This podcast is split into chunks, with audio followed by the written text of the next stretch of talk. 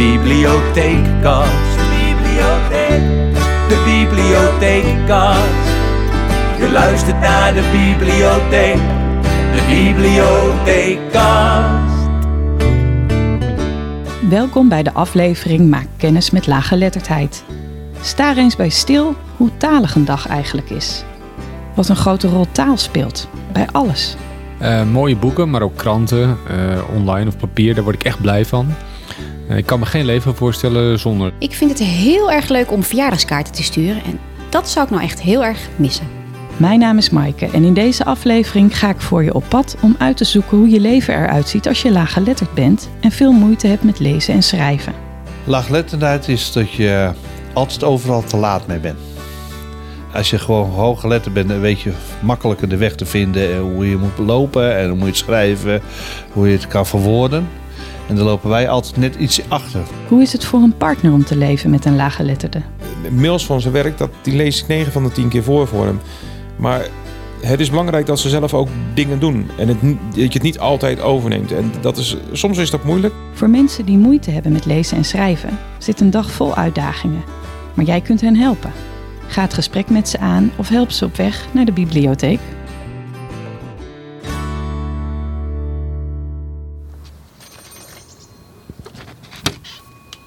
Hey, goedemorgen. Hallo, ik ben Maaike. Hey, ik ben Gerrit. Komt u verder? Stap er door op. Zo. Hi Maaike, goeiedag. Hallo. Olaf. Dag Olaf. Ik ben Gerrit. Ik ben getrouwd met Olaf. En uh, we zijn al 27 jaar samen. En 16 jaar getrouwd, bijna 17 jaar getrouwd. Mijn hobby's zijn scheidsrechter. Dat doe ik al van mijn jeugd. Eerst heb ik hoog gehandbald. En toen ben ik gaan scheidsrechter. En ik heb uh, altijd, uh, altijd dieren gehad omheen. Van mijn schapen ben ik overgegaan naar dwergheid. En van dwergheid ben ik gaan knijden. Want ik ging steeds kleiner wonen. En nu heb ik 150 cavia's lopen. En ik show met alle dieren die ik opgenoemd heb, show ik mee. Ik ben een shower. Ik vind het prachtig om dieren beest te zijn. Maar ik vind het ook prachtig om de mooiste dieren van Nederland te hebben. Ik ben 62 en ik werk in de zorg. Ik ben een helpende. En ja, dat is mijn lust in mijn leven. Het is een prachtig om met deze mensen te, te kunnen en mogen werken. En Olaf zit naast je. Ik uh, werk in de horeca op dit moment. Uh, hobby's, ik kook graag. Uh, ik ben ook wel bezig met computers. Website onderhouden, ook wel leuk om te doen. Maar mijn werk op dit moment wel het meeste tijd in kwijt. Dus qua hobby's staat het op dit moment op een laag pitje. En mag ik ook vragen hoe oud jij bent? Ja, natuurlijk mag je dat vragen. Ik ben 53. En Gerrit, was het liefde op het eerste gezicht? Ja, voor mij wel. Weet je, we kennen niet zonder elkaar. Nou, dit zijn mijn showdieren. Deze die is ziek geweest. En die heeft zij dan door de blaasontsteking erg uh, smerig gemaakt. Dus ze, kan, ze is geel de beuk geworden. Dus ze kan niet meer mee. Dus, uh, maar het gaat wel goed met haar. Dus uh, ik ben heel blij. Dat mag niet wegvallen. Want ja, dat zijn we wel mijn trotsjes, hè. Cavia's fokken is Gerrits grootste hobby. Hij gaat met zijn cavia's naar shows en wedstrijden. De beestjes zijn alles voor hem. Hij heeft er zelfs een speciale website voor gemaakt. Als Gerrit een verhaal heeft geschreven, wil hij het stuk zo snel mogelijk online hebben staan. Maar hij heeft Olaf nodig om het in de juiste spelling en begrijpelijkheid te herschrijven. Hey Olaf. Ja? Ik heb gisteren een show gehad in Duitsland. En nou wil ik graag uh, de uitslagen op de website hebben van mijn, van mijn site.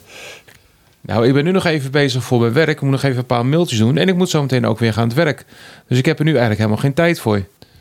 Ja, maar jij doet het altijd voor mij. Kijk, en voor mij al, ik doe, jij doet het in vijf minuten en ik ben er een halve dag mee bezig. Ja, maar die vijf minuten heb ik nu niet, Gerrit. Ik moet zo meteen echt naar mijn werk. Ik moet de dingen nog afmaken, dat weet je toch? Ja, maar kan het kan niet een klein beetje? Kan je niet alleen de punten dan maar zetten? Dat erop staat. Als ik zo meteen naar mijn werk ben, ga je het eerst zelf maar even proberen. En dan ga ik het vanavond controleren. En dan kan het misschien vanavond of morgen op. Nou, sorry hoor. Ik vind het er niet mee eens. Nou, doeg.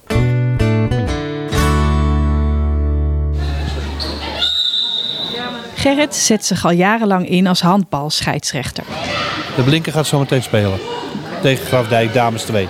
Ja. Dus die uh, ja, gaan kijken wat, is, uh, wat ze gaan doen. Nu verwacht de bond dat Gerrit, net zoals alle andere leden, de standen en andere wedstrijdgegevens bijhoudt in een nieuwe app.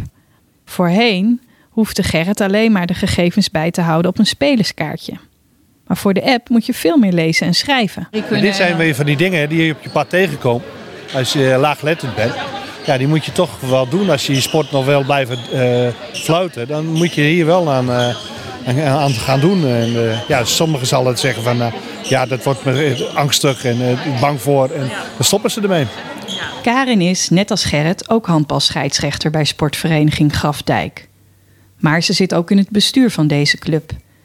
Karin helpt Gerrit met het invoeren van de wedstrijdgegevens in de app.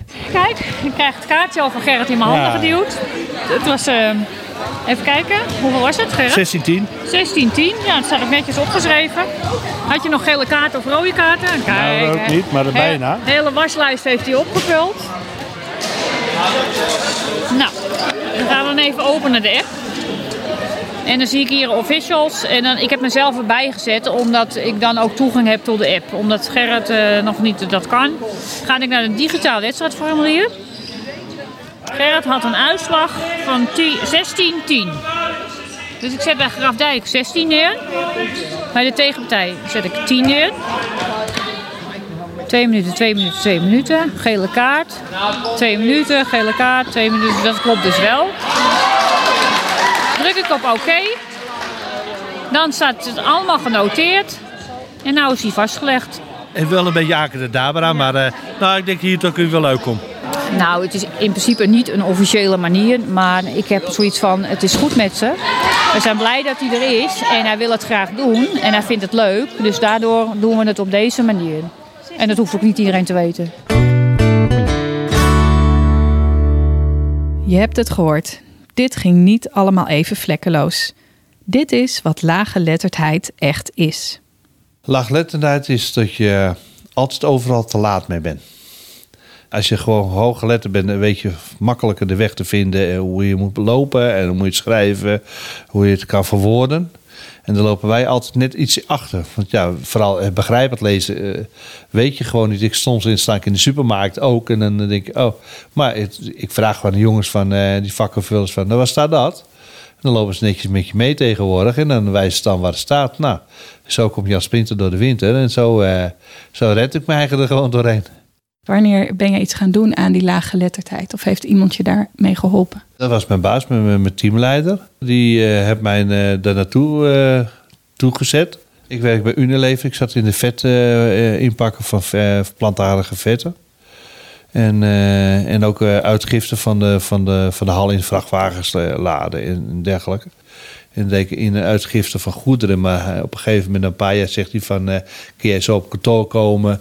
En eh, dan wil ik even met je praten. En toen zei hij van... eh jij kan niet lezen en schrijven. Nou, die muur die je opgebouwd hebt... die werd in één klap weggeslagen. en dat was heel emotioneel. Maar die man die had er helemaal niks mee. En die zegt gewoon van... weet je, eh, jouw collega's schrijven dit allemaal elke keer op. Hè? Die zetten die handtekening. Ik wil even dat je naar school gaat. En daar tegenprestatie wil ik hebben dat je je HBO-diploma gaat halen. En en een certificaat voor de heftruckchauffeur. Die man heeft voor mij een, eh, is een heel belangrijk figuur geweest eh, in mijn leven. Wat voor muur had je dan opgebouwd? Nou, je groot houden, dat je niet laaglettend bent, dat je alles kan. Ja, gewoon alles eh, wegwuiven en veranderen. Ja, ik moest soms naar het toilet toe, dus weer het even mij even opschrijven. Dan eh kunnen we het, het werk gewoon doorgaan. Dus je verzon veel smoesjes ook. Heel veel smoesjes, ja. Ging je ook dingen uit de weg? Niet lezen, niet schrijven? Ja, dat, dat vermijd je gewoon, want je begreep er toch niks van. Wat moet je ermee? Maar eh, ja, soms zeg ik wel eens, en wat ik nu doe, van waar staat die mij? Dan vertel mij eens even wat die staat. Ik begrijp er helemaal geen hout van. Nou, dat was eh, een ondenkbare tegen die tijd gewoon, om dat te vragen aan, eh, aan. Want ik had ook nog dat ik die angst had van hoge mensen die boven me staan. Dat zweet ik heel erg, daar weet Olaf nog een periode van. En eh, toen moest ik me gewoon twee, drie keer op een dag eh, omkleden, want dan was ik helemaal zeiknat van de angst. Ja, En maakte de lage letterdheid je ook onzeker? ja in het begin wel en nog wel. eh, ja. Gewoon dat ik ook, ik wil zoveel. Ik, ik heb altijd een droom gehad dat ik een grote auto wil hebben en een paardentrailer. Waarom? Moet je me niet vragen. Maar gewoon dat ik eh, eh, gelijk wil zijn met andere mensen. Dat ik ook een eigen zaak wil hebben. En dat ik voor mezelf wil zorgen. En dat ik het allemaal zelf kan. En dat ik goede pionnen om me heen heb staan die mij helpen. Want die hebben wij gewoon nodig. En uh, liefst wil je het zelf doen. En dat kan gewoon niet. Je hebt echt hulp van anderen nodig. echt hulp van anderen nodig. En dat, uh, ja, dat, dat, dat, ja, dat, dat doet je zeer. Dat, dat, dat kwelt je gewoon soms. Ik heb ook wel eens gedacht, oh, mijn ogen sluiten en nooit meer wakker worden. Allemaal rust. Ja. En hoe heeft uh, uh, het weer naar school gaan jou veranderd? Ik, kan het niet in woorden zeggen, maar het is net of ik de miljoen gewonnen heb. Het is... Uh, in het begin is het een hele moeilijke, zware, angstige, zwetige wereld. Maar als je er eenmaal dan een half jaar op school hebt gezeten van een, van een cursus en je komt dan later in de maatschappij, dan denk je, jeetje, heb ik dit allemaal gemist? Is dit het wereld waar ik zo bang voor was? Nee, het is het mooiste moment van je leven gewoon.